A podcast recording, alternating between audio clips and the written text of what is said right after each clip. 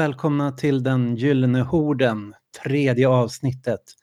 I den här podden så berättar vi om autonoma rörelsens historia med utgångspunkt från Italien. Och vi följer löst en bok som heter Den gyllene horden också.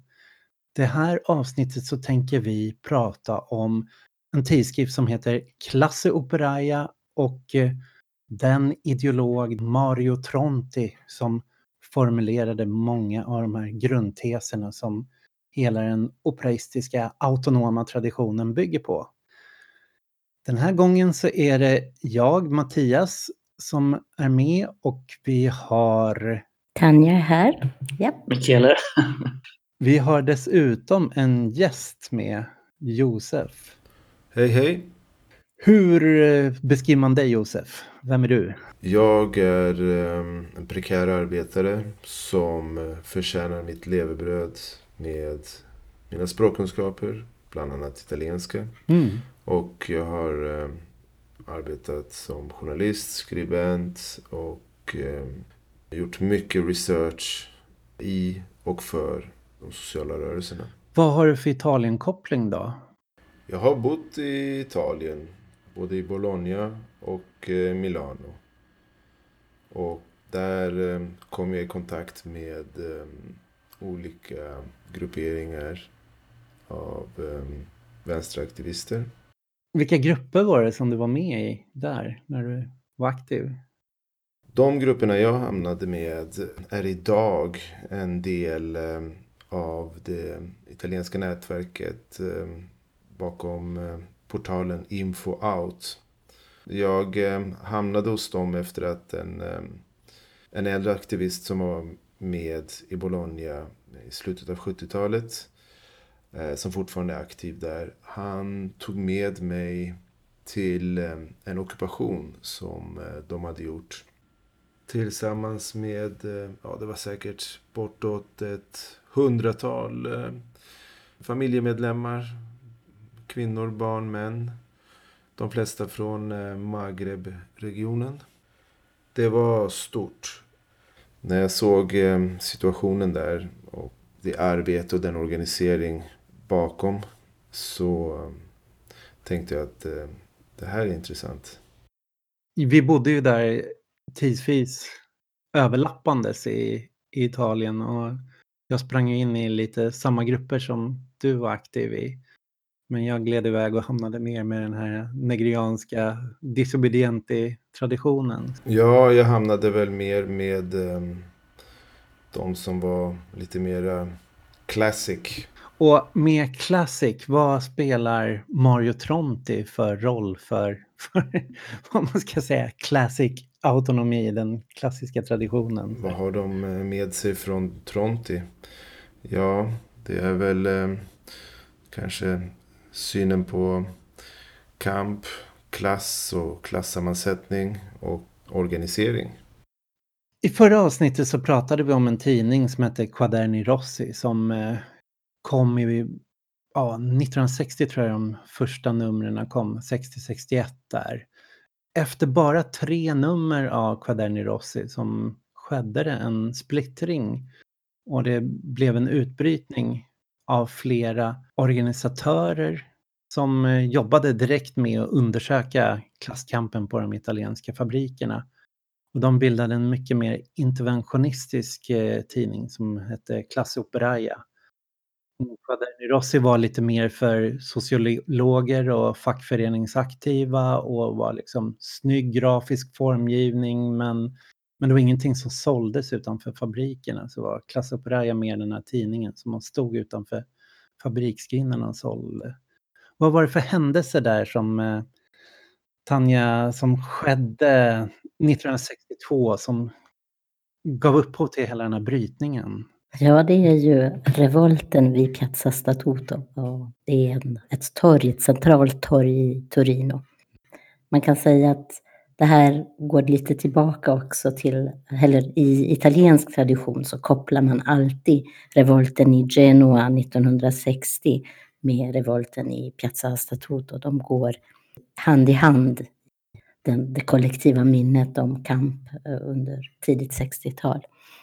Det som händer där 1962 är ju att det är avtalsrörelsen i Italien och i fabriksstaden Turin så märks det ju extra tydligt. Det är, man ska göra nya avtal på Fiat. Det blir en stor strejk där i juni med 60 000 arbetare på Fiat som går ut i strejk. Det säger någonting om den här fabrikens storlek. Och det är en speciell facklig situation också i Italien.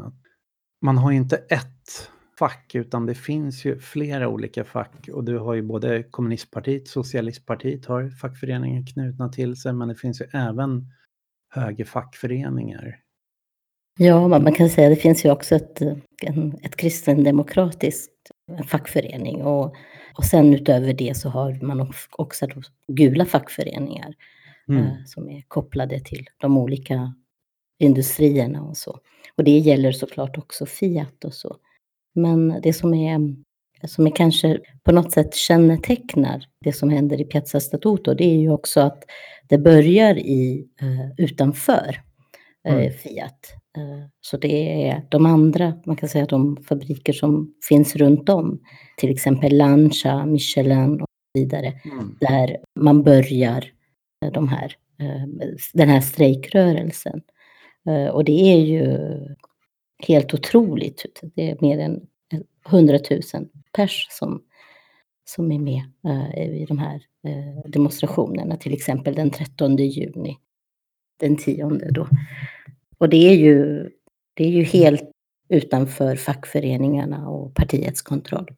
Brytning med alla de Alltså Quadreni Rosse får ju bära lite hundhuvudet och säga att ja, men ni är de enda som har stått på de här eh, kravallernas sida. Några tar avstånd och några väljer då att gå en annan väg och ja, bejaka hela den där, stå på revoltens sida. Och de kommer att bilda en egen tidning.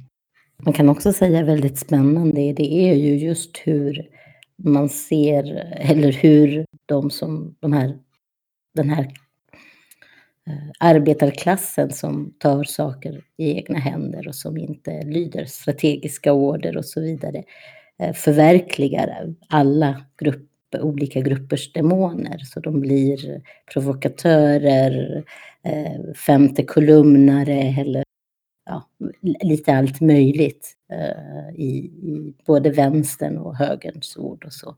Så att de blir det spöke som varje annan grupp bär med sig. De förvandlas till det. Det är ju lite det som kommer hända senare under 70-talet också.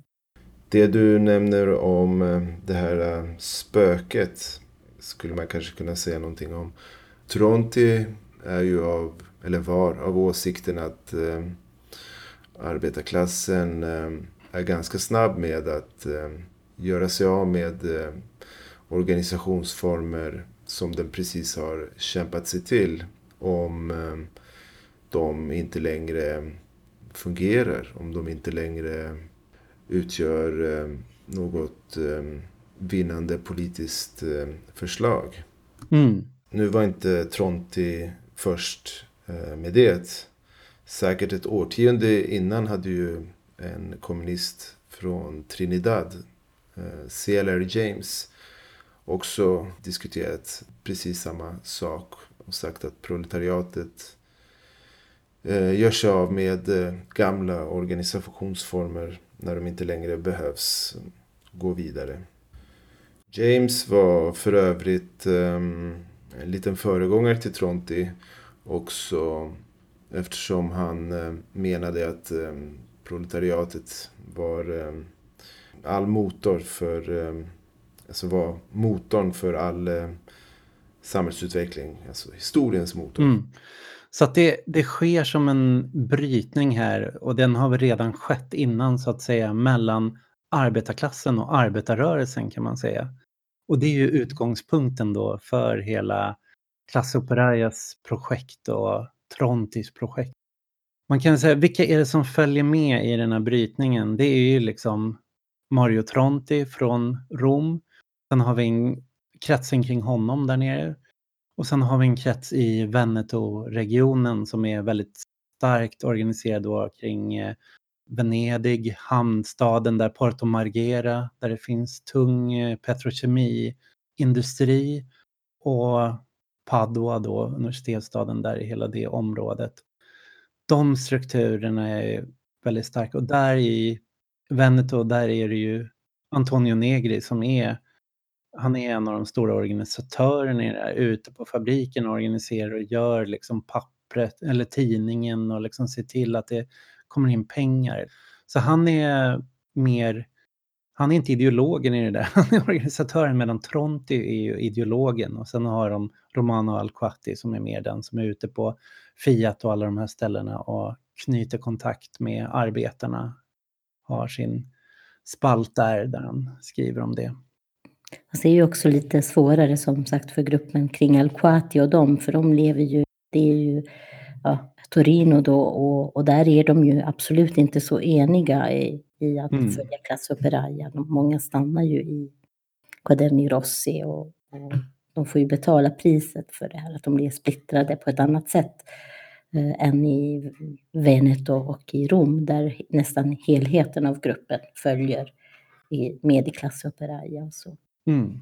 Eh, och det är kanske inte där än, vi, vi går tiden, vi springer lite framåt där ibland i tiden, men att de två starkaste grupperna har alltid varit i Veneti så kallade, Ven, de från Veneto då, och i Romani från Rom och så.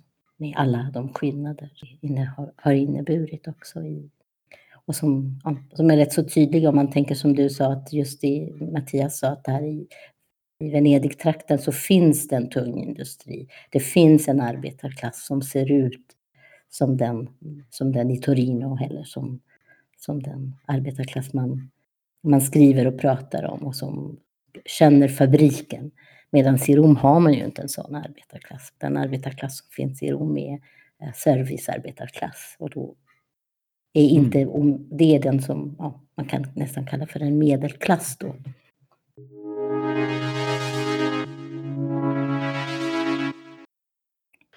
Vem är då Mario Tronti om vi ska gå in på honom? Ja, Mario Tronti som person är väl inte särskilt viktig idag. Men eh, en hel del eh, av det han skrev är ju fortfarande aktuellt. 66 kom eh, boken Operaia i Capitale som arbetar i kapital som är samlingen av hans både nyskrivna texter och texterna från Classe Operaio och Coderni Ross. Ja, ibland undrar jag om han eh, verkligen eh, visste vad han gjorde med de där texterna. För eh, han tog ju faktiskt en väldigt annan väg väldigt tidigt efter att boken släpptes. har någon av er träffat Tronti? Jag har, och du har träffat Tronti ja. för några år sedan. Han lever ju fortfarande. Han är med i Partito Democratico. han är liksom i, i parlamentet han var ju med i part, eh, Partito Comunista Italiano eh, under den tiden innan han bröt sig loss. Men han har alltid varit med där. Så ja, just det. Han, han lämnade aldrig. Nej, just det. Ända sedan tidigt 60-tal till nu, liksom alla dess, när den har gått från vänster-vänster till centristiskt eh, reformistparti i mitten. Liksom, så han stannar kvar där. Ja, han sitter i senaten faktiskt. Mm. Ja, jag tänkte så här, det finns ju många poddar och diskussioner och texter om Negri liksom, men Tronti som är den här stora ideologen, Negri har ju tagit det mesta från Tronti och upprätthållit tidiga Tronti när Tronti sen bytte åsikter och svängde tillbaks till partiet. Jag bara sökte på Tronti för att se, någon podd måste jag ha gjort någonting om honom. Jag tror fan vi är första podden och och prata om honom. Men jag hittade RAI, alltså italienska radion, hade nya intervjuer med honom. Han sitter och pratar om Greta Thunberg. Liksom. Så, var, så han är ju fortfarande liksom, håller sig ajour med vad som sker och är livaktig i, i diskussioner även om han inte alls spelar samma roll. Utan det mesta han får frågor om är ju hans 60-talsskrifter. Han driver ju något institut för eh, studier, statsstudier eller studier över Eh, staten, någon slags politisk institut. Hans kända skrift om eh, Operaie kapital, arbetare kapital, den kom ju 66 i Italien men den har ju först nu, alltså i år, kommit på engelska i sin helhet. Så att den, är, den var ju tidigt att översättas till eh, franska, tyska, spanska men den har inte funnits på engelska annat i, än i brottstycken. Så här. Och Italien så blev det ju här, den, den kom 66 och när 68-revolten kom så var det här Bibeln. Det var Bibeln som alla radikala studenter läste, alla liksom arbetarmilitanter och så läste. Och då hade redan Tronti tagit avstånd från sina egna teorier i den här boken och gått tillbaks till, eller var liksom återaktiverat sig i kommunistpartiet.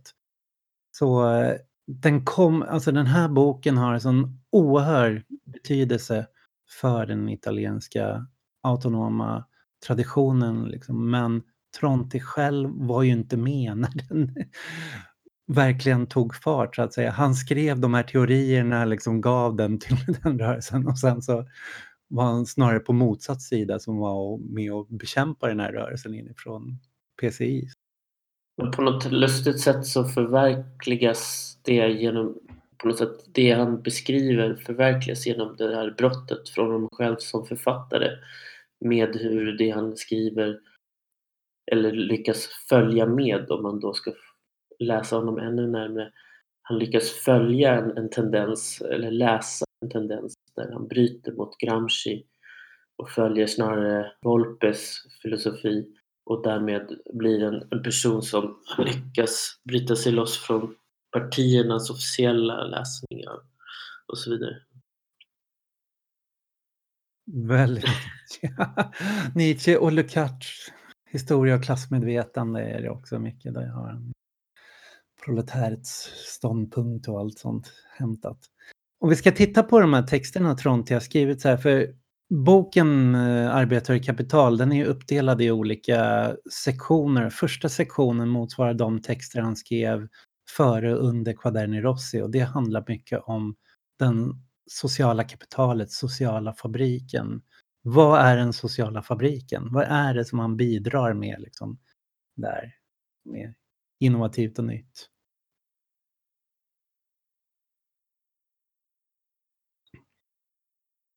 Ja. Kan man inte börja i Torino då? Liksom, om man tänker sig den här staden, Piazza Statuto, man tänker sig en eh, stads stad och en utveckling redan eh, sen efter eh, andra världskriget där allt har transformerats. Självbilden hos människor, allt i staden har på något sätt genomsyrats av den, den fabriksregim som man har lyckats införa på väldigt kort tid.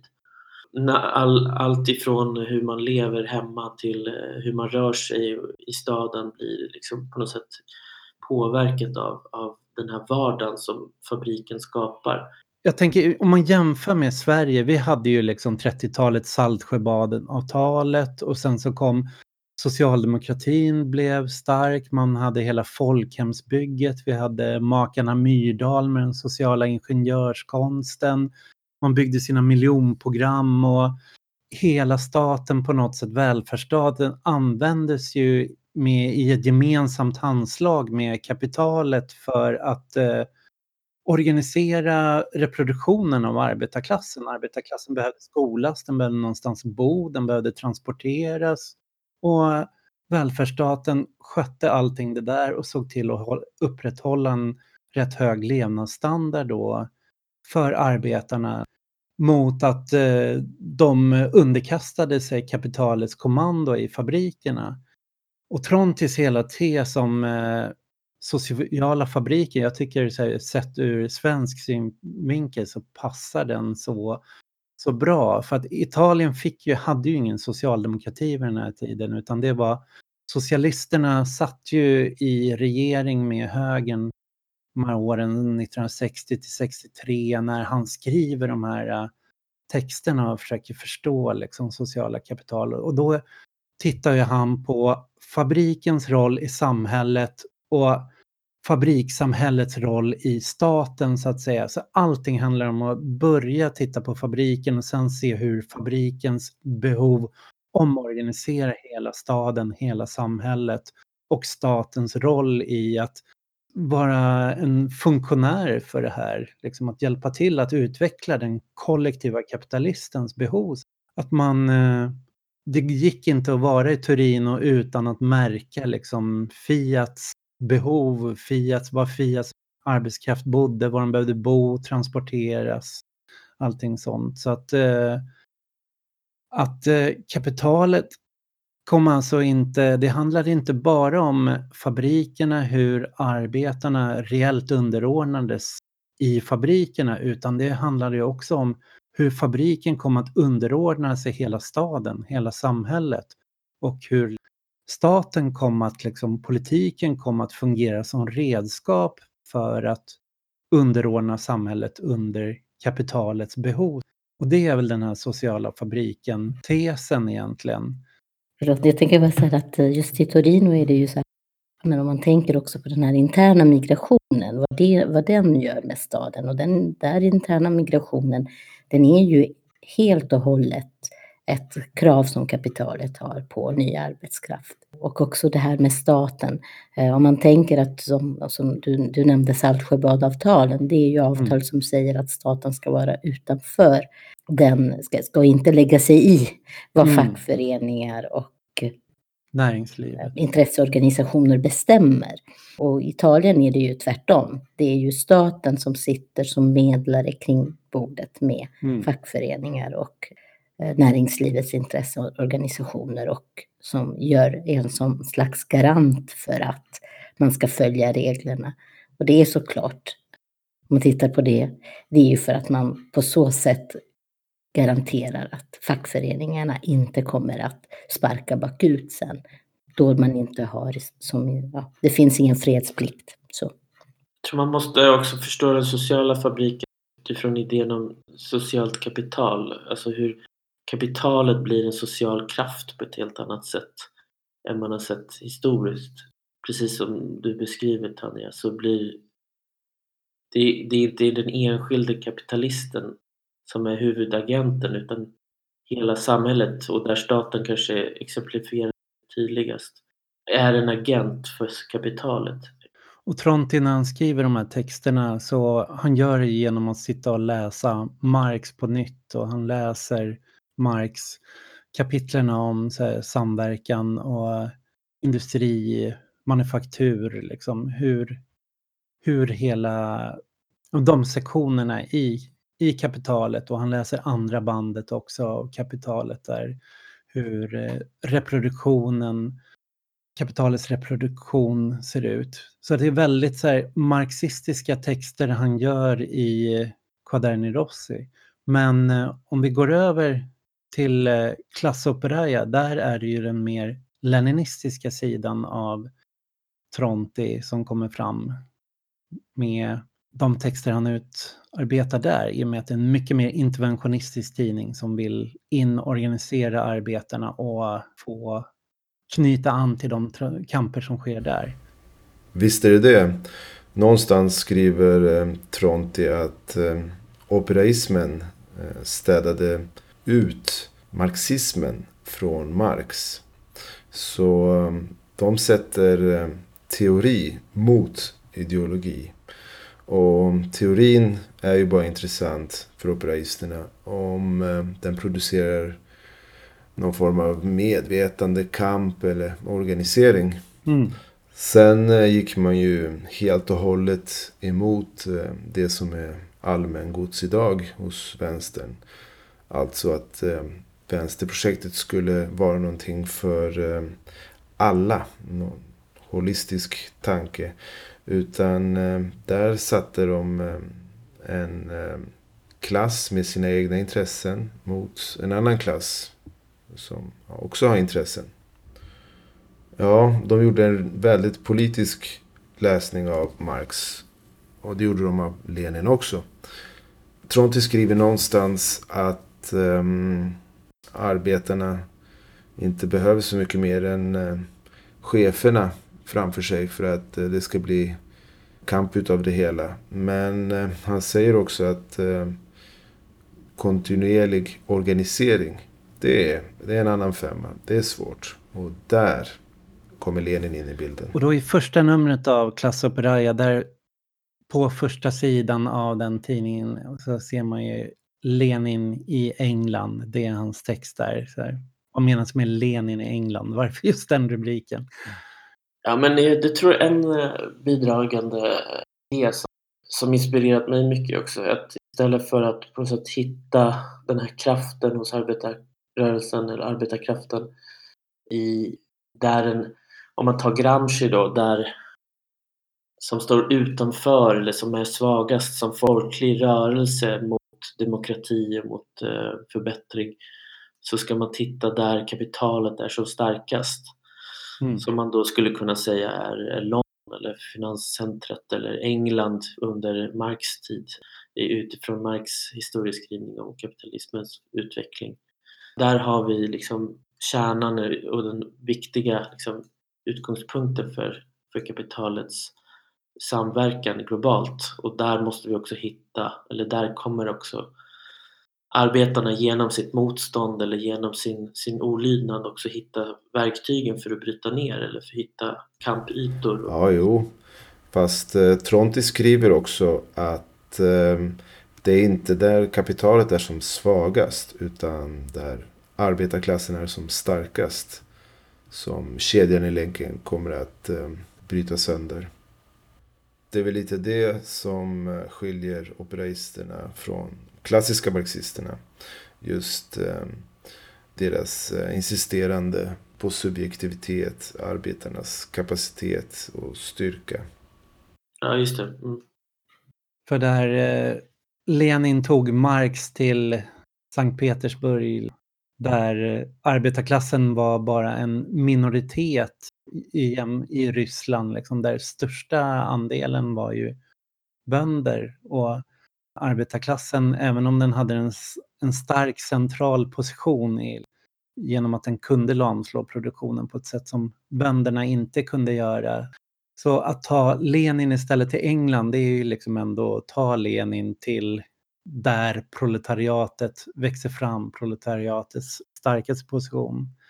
Det är precis som ni säger, det här gör ju upp med hela marxism-leninismen om att så här, imperialismteorin, att man ska slå där eh, imperialismens svagaste länk, kapitalismens svagaste länk, det vill säga liksom i periferin. Så här, det här är ju ändå det behöver inte vara en motsättning eh, i det ni säger utan där kapitalet är starkt är ju där den också koncentrerat arbetarklassen mest i sina fabriker och det är också där arbetarklassen har den största styrkan.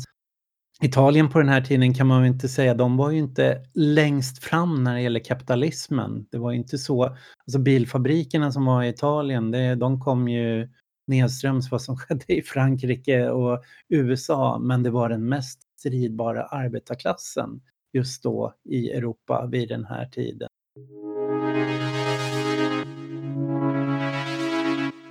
Finns en massa grejer i Lenin i England, texten. Den kan ju fungera som en så här miniprogram för hela traditionen av arbetarautonomi. Jag tycker varenda text man läser sen politisk text som är en form av plattform eller program är ju som en så här omskrivning av Lenin i England-texten. De använder sig av alla dragen därifrån.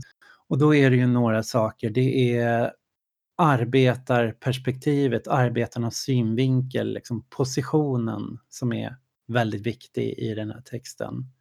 Det har han tagit från Lukács men även från Nietzsche det här att eh, som Machiavelli beskrev så här att eh, försten kan förstå folket men det är bara folket som en man, ja, folket som kan skriva en bok om försten. Så här, att försten går bara att förstå från folket. På samma sätt så Tronte menade ju liksom arbetarklassen för att förstå kapitalet behöver den bara titta på sig själv. Den behöver bara förstå sin egna kamp och sin egna kamp mot att vara arbetare, inte att förbättra sin position mot arbetare utan undandra sig hela den här rollen i kapitalismen som arbetskraft. Det är där, det perspektivet som skär rakt igenom eh, kapitalismen, analysen av kapitalismen. Det behövs inte först göras ideologikritik. Man behöver inte först sitta och analysera kapitalet och sen komma fram till subjektet var det kan ske eller var motsättningen kan finnas utan här är ju liksom någonstans i arbetarperspektivet utgår man från arbetarens position i, i fabriken, arbetarens vardagsmotstånd, undandragande, arbetsvägran, ovilja att gå med i vissa partier eller fackföreningar. Där förstår man den centrala antagonistiska kraften som sen man måste liksom basera hela sin analys på om man ska förstå alla andra delar av kapitalismen. Det är ganska bra vändning för man tänker, man kan föreställa sig hur det är att på något sätt bli medierad som är parti, att ingå i ett parti, att, att, eh, eller att inte bli lyssna till och utifrån partier och fackens perspektiv som kanske följer en marxist-leninistisk eh, liksom, teoribildning förstår den här eh, motståndet till eh, och alliansen med fabriksägare och kapitalister i termer av hur, hur, man, hur man ser på disciplin, hur man ser på ordning och hur man ser på mm vad arbetare bör göra och vilket tålamod de borde ha för att förstå att ja, men sen, sen kommer revolutionen. Istället så, så blir det här en teori eller en, ett synsätt där helt plötsligt så, så blir det här det som anses okontrollerbart, det som är motstånd, det som är uh, antifascism i sin rena form blir värd, värdefullt. Det blir, det blir kraften, det blir liksom kraften mm. att negera sig själv och därmed uh, verkligen förändra. Roderazza pagana, hur ska man beskriva det?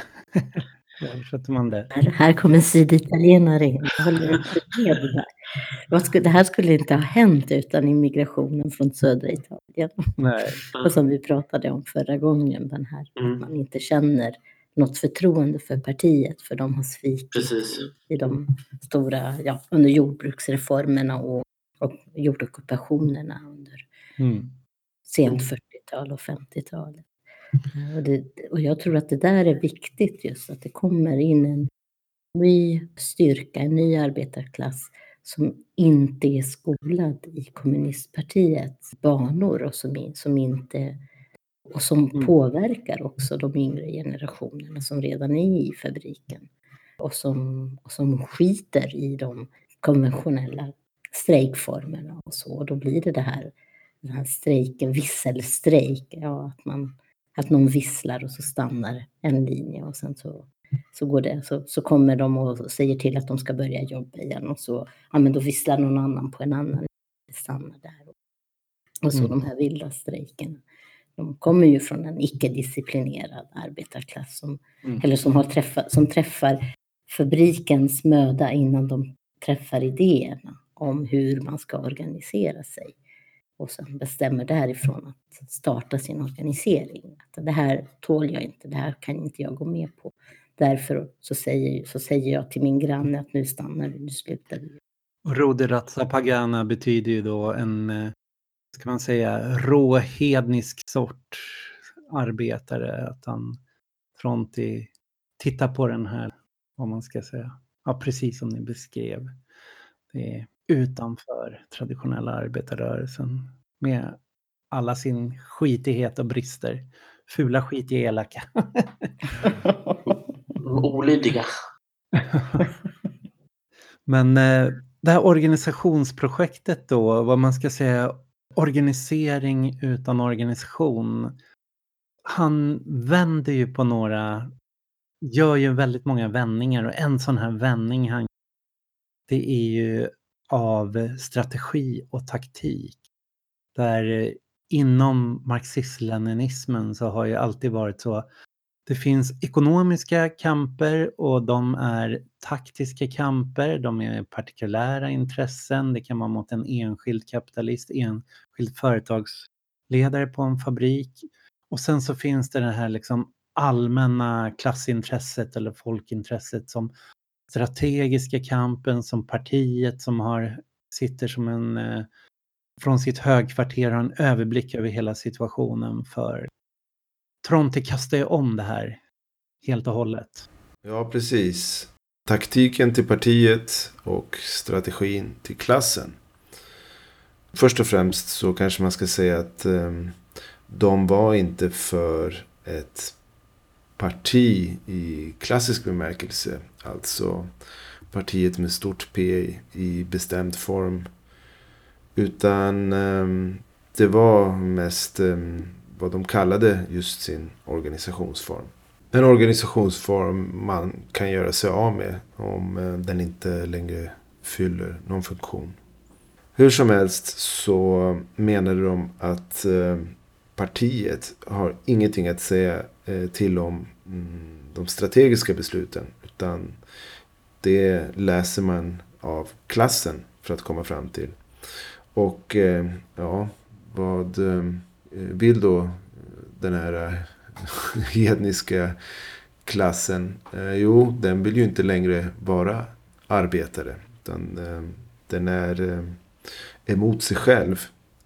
Så det går ju tvärt emot den här traditionella idén om eh, stolta arbetare, stakanovister, outtröttliga som eh, är nöjda med eh, sitt arbete och nöjda med sin situation som arbetarklass. Mm. Jag tänker att man kan säga det också väldigt tydligt och det tycker jag stämmer väldigt om man tittar på Sverige idag. Nu vill jag inte föra den diskussionen än men att när vi väl lyckas skapa institutioner som fungerar, organiseringar, fack och vi börjar få någon form av dialog med kapitalismen och med kapitalet så, så blir de väldigt snabbt institutioner som inte verkar för arbetarna längre. Så hur gör man då? Liksom, då måste man lämna dem, eller man lämnar dem, man lämnar partierna, man lämnar facken, man, ork man tror inte på dem, man blir disillusionerad. Alltså måste strategin vara det, kampen, alltså den direkta omedierade kampen måste vara strategin och taktiken kan möjligtvis vara de här formerna av, av institutionalisering eh, som ändras utifrån olika temporära behov. Liksom. Och varje form av institutionalisering oavsett om det är ett fack eller parti kommer ju bli ett slagfält som kapitalet kommer försöka använda till sin fördel och där den här strategiska rörelsen från eh, arbetarklassen då måste ta en kamp om. Antingen så lämnar man bara de här strukturerna och att kapitalet drar vidare till nästa, ställer dem åt sidan, skiter i dem, flyr från sossarna eller flyr från... Eller så går man in och försöker ta över dem helt och driva ut de personerna som går kapitalets ärende. Så eh, den strategiska, man kan säga, beskriver det lite som strategin är ju kursen. Det är liksom den, den antagonism som finns i arbetarklassen. Att man vägrar vara arbetskraft, hela den rörelsen. Och organisationen eller taktiken måste ju då hela tiden vara att försöka se hur kan man understödja den där rörelsen i en viss riktning. Samla, organisera, hjälpa till och det innebär liksom att organisationens uppgift blir hela tiden, det blir taktiken. Det blir, kan man vinna några segrar för stunden? Kan man underlätta någonting för, eh, för stunden? Och fyller, som ni har sagt, liksom, organisationen inte den funktionen. Släng den åt sidan, liksom, skapa den nya som kan fylla den funktionen. Ja visst, och för att eh, bygga då en organisation så hade ju gårdagens operaister och dagens eh, autonoma en eh, metod, undersökningens metod. Ni tog väl upp det i förra programmet om militanta undersökningar. Mm. Där eh, gränsen mellan den som undersöker och den som blir undersökt bryts ner och eh, undersökningen blir så att säga själva organiseringsmetoden. Men det här har ju ni redan eh, snackat om så det kanske inte jag behöver ta upp igen. Nej, men det är bra att repetera. Det är först i den här tidskriften Klassoperaia som de verkligen börjar använda de här begreppen klassammansättning, att förstå den tekniska sammansättningen, hur kapitalet har organiserat produktionen och den politiska sammansättningen, hur arbetarnas kamper skapar hela tiden nya kopplingar som övervinner de här tekniska uppdelningarna av hur arbetskraften är satt att samverka och skapa det till en politisk klass, att det blir som en massa. Så att Tronti han skiljer ju lite på det här att enskild arbetskraft, det är så man träder in i liksom kapitalismen. Kapitalismen köper enskilda individers arbetskraft och sätter och samverkar dem. Men där i ögonblicket kapitalisten börjar samverka dem så börjar också en form av motstånd som tar en kollektiv dimension. Och det är det där kollektiva motståndet som Tronti menar gör det till en klass.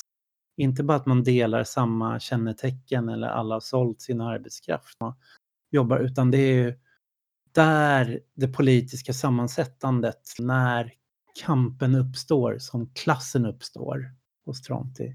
Ja, visst är det så. Och eh, Tronti skriver ju en, eh, visserligen eh, väldigt sen text, men eh, den ger ändå en eh, idé om eh, hur central subjektiviteten är hos operaisterna. Han skriver att eh, finns det ingen klasskamp så finns det heller inte någon klass. Mm. Ja, i samma text så avslutar han lite skämtsamt också. När han säger att ja, det som idag finns kvar av eh, klasskampen. Ja, det är inte klass utan bara kamp. Och i och med kampen är ju först så blir ju också då kampen mot arbetet blir det centrala. Att eh, arbetskraften som sätts att samverka när det blir en klass så är det ju också en kamp mot arbetskraft, att vara arbetskraft. Det är en kamp mot arbetet. Så arbetarkamper eh, handlar inte om någon så identitetskamper om att skapa en, en eh, heder och tro på den skötsamma arbetaren, en arbetarrepresentation och höja en arbetarkultur, uppvärdera arbetaren efter någon slags medelklassnorm, utan det här hos Tronti är ju klasskampen är ju riktad mot arbetet. Det är arbetarklassens kamp mot att vara arbetare. Negationen av negationen.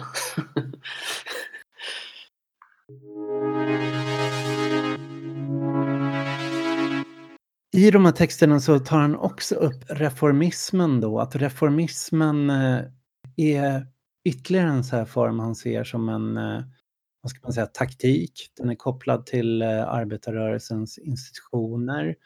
Och reformismen kan alltid användas som ett vapen av eh, kapitalet. Det finns kapitalets reformism och det finns arbetarnas reformism. Och kapitalets reformism är någonting som finns i arbetarrörelsen. Så att det är när arbetarrörelsen används som redskap för att genomdriva vad ska man säga, strejkförbud eller genomdriva arbetsfred eller hålla tillbaks disciplinerande krav. Då är det liksom kapitalets reformism som bedrivs av arbetarrörelsens partier. Medan den formen så av taktisk reformism är ju de där man eh, lyckas eh, ja, men till exempel legalisera strejker eller liksom hindra kapitalet från att gå till motattack genom att ge visst skydd, arbetsrätt i olika former och sånt. Eh, så reformismen blir också ett slagfält mitt i arbetarrörelsen här hos Tronti och där han ser det här säger han inte för att det är viktigt att betona reformer utan också lika mycket för att betona man måste blockera reformer i arbetarrörelsen som riskerar att gå kapitalets väg. Så att det blir en kamp inom, alltså klasskampen sker även rakt in i arbetarrörelsen. Att, att blockera varje form av sån skadlig reformism. Inte bara ett negerande av kapitalet utan negerandet av kapitalet i arbetarrörelsen också. Arbetarrörelsen i kapitalets tjänst. Jag, vet, jag tycker nu kanske det är dags att diskutera svenska situationen. Otroligt eh, talande med hur vi har det idag i Sverige. Sverige svensk historia färgas verkligen av mm. en eh, kapitalets reformism inom eh, arbetarrörelsen på många sätt. Eh, och kanske speciellt nu med de senaste attackerna på strejkrätten som också genomdrivits av socialdemokratin.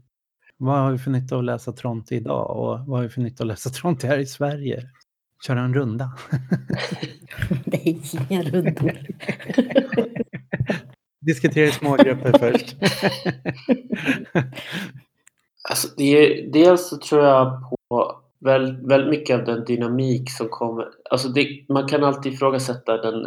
Det är någon form av romantik i idén om att eh, det är eh, den här spontana motståndet som kommer vara den revolutionära kraften. Men oavsett så, så tror jag verkligen på den här tendensen att skarpt ifrågasätta mediering av alla slag och skarpt lokalisera former av organisering hos de agenter som, som, som det är meningen att man ska organisera sig kring och också vända hela syftet med en rörelse från att på något sätt vara det här maskineriet som sen tar över ifrån, utifrån någon illusion om demokrati till något som i grunden negerar kapitalistisk logik, liksom kapitalistiskt arbete. Om man hade sådana diskussioner, man tänker sig i termer av parlamentarism och, och demokrati idag och media och vad man diskuterar politiskt, om man skulle kunna ha sådana typer av diskussioner inom politiken, då skulle det vara intressant. Då skulle vi ha intressanta politiska diskussioner för då skulle vi diskutera villkoren för den ekonomiska politiken i grunden. Men idag är vi ju hela tiden i bästa fall inom någon form av rationell kapitalistisk reformism i bästa fall, tycker jag, i politiska debatter. Därför är det, Tronti otroligt viktig idag för att vi förstår spektrat. Vi får tillbaka en känsla av att Marx går att läsa om och om och om, om igen. Mm. Som ett verktyg liksom. För att förstå nuet. Ja, alltså jag vet inte hur viktigt det är att eh, läsa Tront idag. Mycket av eh, det han skrev tar vi ju som eh, självklara. Men ja, klassammansättning är ju ett oumbärligt verktyg. Jag minns, jag var i Rom för ett par år sedan och hälsade på några kamrater på Sapienza-universitetet. Och eh, då hade de eh, sprayat ett eh, Tronti-citat på väggen. Och på den här snygga målningen stod det kunskap. Det är knutet till kampen. Bara den som verkligen hatar kan verkligen veta. Nu hoppar väl en och annan humanist till här. Men eh, situerad kunskap eh, pratar ju feminister och postkoloniala teoretiker om idag. Då menar ju då Tronti att eh, det går inte att stå utanför kamperna och producera kunskap. Utan eh, du måste stå inom kamperna och producera din kunskap för kamperna. Det tror jag är en viktig poäng att ta med sig idag. Och ja, klassammansättning som ett verktyg. Tanja, vad tycker du? Ja, jag tror att vi som alltid ska bära med oss det och att man måste vara både den som undersöker och som har ögonen öppna och ser vad som händer runt om oss för att ja, som, den som hatar eh, vet.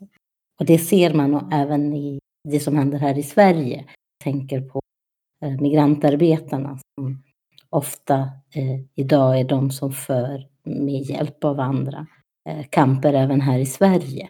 Och så, som kanske inte är så här, kanske eh, marginella kamper men som ändå vågar organisera sig och, och ta till orda när de har allt att förlora. Och jag tänker på eh, andra sammanhang där de är de drivande krafterna till exempel. Och det tror jag att vi ska, vi ska bära med oss. Precis Tanja. Det är de som står längst fram och kämpar som eh, sitter, med, eh, som sitter på kunskapen. Om man kommer utifrån så att säga så, så har man mer att lära sig än vad man har att eh, lära ut. Det är helt säkert. Jag håller med. Det, jag, jag tror, och jag tror verkligen inte vår skyldighet att, att vara de som observerar och att kanske vara länkar ibland och översättare översätta kamper och ge verktyg och samtidigt också eh, ja, men så här, göra saker förståeliga, inte för de som kämpar men för de som står och ser på. och visa att ofta kanske vi har samma intresse. Även om vi inte är medvetna eller om vi inte ligger i samma, exakt samma situation. Mm. Ja, jag tänker också så att det är den stora lärdom jag tar med mig från Tronti och det, den kanske är rätt självklar, men det är att arbetarklassen och arbetarrörelsen är inte samma sak. Och arbetarrörelsen är ett, ett slagfält där, även där, där klasskampen förs. Och att vi hela tiden, alltså varken socialdemokrati eller anarkism så att säga, liksom inte, inte tro att det är partiet eller organisationen som är vägen utan alltid försöka identifiera vad är de antagonistiska motsättningarna i samhället? Vad är det som går mot en brytning? Vad är det som går mot kommunism? Och sen utifrån det, liksom, när man ser vad är det som vad folk verkligen kämpar, se vad kommer det här då kräva för, för organisationsformer och vilka kan vi använda i som finns i den här verktygslådan. Det kan vara gamla som är Eh, vi kanske kan använda facket, vi kanske kan använda Hyresgästföreningen till vissa saker för det där. Och kan vi inte det ska vi inte vara rädda att gå utanför och plocka saker utanför. Men vi ska ju inte heller ha någon beröringsfobi för partier och fack. Men vi måste vara medvetna om att de är kampfält, används av kapitalet. Vi måste vara beredda att gå runt dem. Och då är också, bygger man sin bas utanför bygger man sin bas baseras på mm, sociala rörelsers autonomi, sociala kampers autonomi, arbetarautonomi, då, då kommer man ju alltid kunna förändra även de där lerkolosserna liksom och gå i rätt riktning eller göra dem obetydliga så att de inte kommer spela någon roll. Utan kampen sker ändå. Jag skulle också vilja säga att eh, det här eh, klassperspektivet eller mm. klassynvinkeln som du nämnde är um, väldigt, var väldigt viktig för mig när jag um, åkte ner till um, Gezi-revolten i Istanbul för 2013. Mm.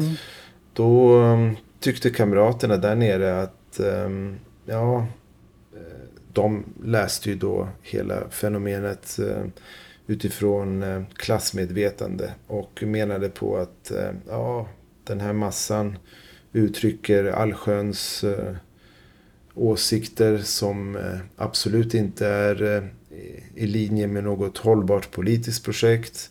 De tycker si, de tycker så. Men jag valde istället att se på Gezi-revolten ehm, utifrån eh, de massbeteenden som faktiskt eh, ägde rum. Alltså jag tittade på vad folk gjorde och inte vad folk sa. Och eh, ja, vad gjorde de då?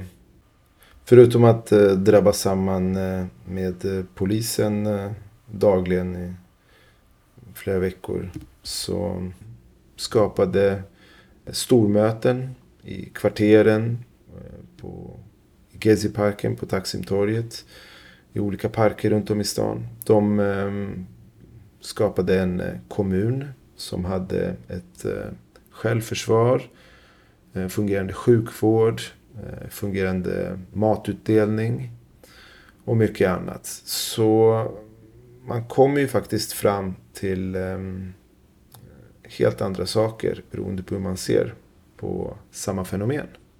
Det är nästan exakt samma ord som Eh, Edouard Louis, den franska författaren, skrev apropå eh, Gilets jaune för inte så, så länge sedan. Jag tror att det var början, nej, men just de första, efter de första demonstrationerna där man anklagade dem för att vara rasister och eh, ja, att de var, det fanns fascister däremellan. Och då, då var det just det han fångade. Han skrev väldigt tydligt att, eh, att man måste vara där mellan dem och prata med dem och, och göra det de gör innan man kan starta och börja diskutera vissa frågor för att det är just deras beteende som motsätter sig kapitalet och inte deras ord. Precis, och man får inte vara rädd för eh, den sociala sammansättningen eh, man planerar att intervenera i. Det är bara att kavla upp ärmarna och, och gå in i den och eh, försöka ja, hålla de här eh, reaktionära tendenserna korta. Annars kan det ju gå som det gjorde i Ukraina på Majdan-torget. Alltså, bara man tänker på hur det ser ut eh, på en svensk fabrik eller i en svensk förort. Det är ju fullt av eh, rasism och sexism och fruktansvärda åsikter. Men ehm, man kan inte välja att eh, stå vid sidlinjerna på grund av det. Utan man måste vara där och, och, och verka. Och eh, folk som kämpar har en förmåga att ändra sig. De ändrar sig nog väldigt sällan av att läsa en bok eller en artikel. Utan det är när man kämpar sida vid sida som förändringarna sker. I eh, vad beträffar medvetande. Det är inte samma som träder ur en kamp som träder in i den. Det vi måste se, liksom. vad, vad som sker där när folk solidariserar sig med varandra på gatorna. Är inte Tronti superaktuellt nu när jag tänker efter? Jag menar, alltså det är så många rörelser i världen nu egentligen. Det är bara att vi hör om dem på ett helt annat sätt Eh, och vi har inte liksom historiserat dem än på samma sätt som vi gör nu med Italien och Frankrike och Europa. Liksom. Eh, men, men det är enorma mängder människor. Jag menar gula västarna eller hela arabiska våren. Jag menar, enorma rörelser egentligen i term, både i kvantitet och i, i kraven som, som människor har ställt. Men eh, Tronti han sa ju så här, Josef var inne på det, liksom, att det, vi kan inte läsa Marx teorier mot Marx tid och tänka så här, men för Marx betyder det här, han skrev det i det här sammanhanget, i den här kontexten, begreppet betyder då så här för honom. Det är skitsamma, liksom. Marx ska läsas i vår tid. Vad innebär ja. begreppen för oss? Hur går de att använda för oss? Och det kanske är samma sak med Tronti. Vi, nu har vi suttit och diskuterat vad Tronte betydde 1962 till 66 i Italien eller 68 i Italien. Men viktig är ju just nu, så här, vi behöver läsa Tronti mot vår tid. Vi behöver läsa det här, hur ser vi på strategi, taktik, arbetsvägran, spontana kommunistiska kamper, liksom strategiska kamper idag. Det är där det blir relevant. Vi kanske har gjort helt fel med den här podden, börjar i fel ända. vi lägger ner nu. Ja, vi avslutar. Nej, men det är nu det börjar bli intressant ju. Jo, jo, ja.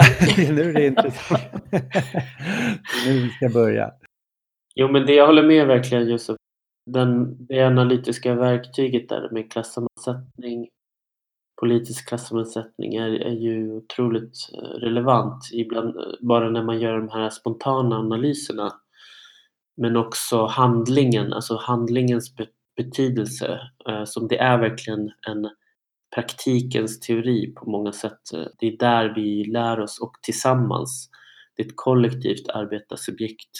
Om det ens ska vara ett eh, arbetarsubjekt, liksom det, det, så är det kollektivt och det är i en kamp, i en form av negation liksom mot de former av underordning inklusive de identiteter.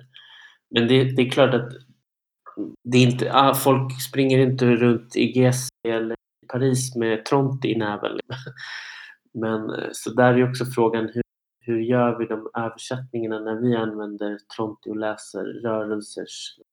Hur mycket är det en eh, idealisering över de rörelser som finns och hur mycket är det, ehm, hur mycket blir det organisation? Det är en annan fråga. För det är klart, någonstans måste det bli, en, även om den är taktisk, någon form av organisation för att röra sig i en viss riktning. Liksom. Ja, fast man kan ju vända på det. Att det enda sättet för oss att lära oss någonting som sker i Chile eller Libanon, det är kanske att ta Tronti till Beirut, ta ja. Tronti till Santiago. Det är göra det som Tronti gjorde med Lenin i England. Liksom. Vi, vi måste liksom äh, läsa de kamperna eller liksom vara där, vara närvarande och kan vi inte vara det, vi sitter liksom på andra sidan jorden, så kan vi ändå lära med de glasögonen. Titta på jo. utifrån det trontiska perspektivet. Liksom. Se dem underifrån. Vad är det här för spontana rörelser? Jo, jo, precis. Det känns som vi har dragit ett helt projekt som vi får ägna oss åt framöver.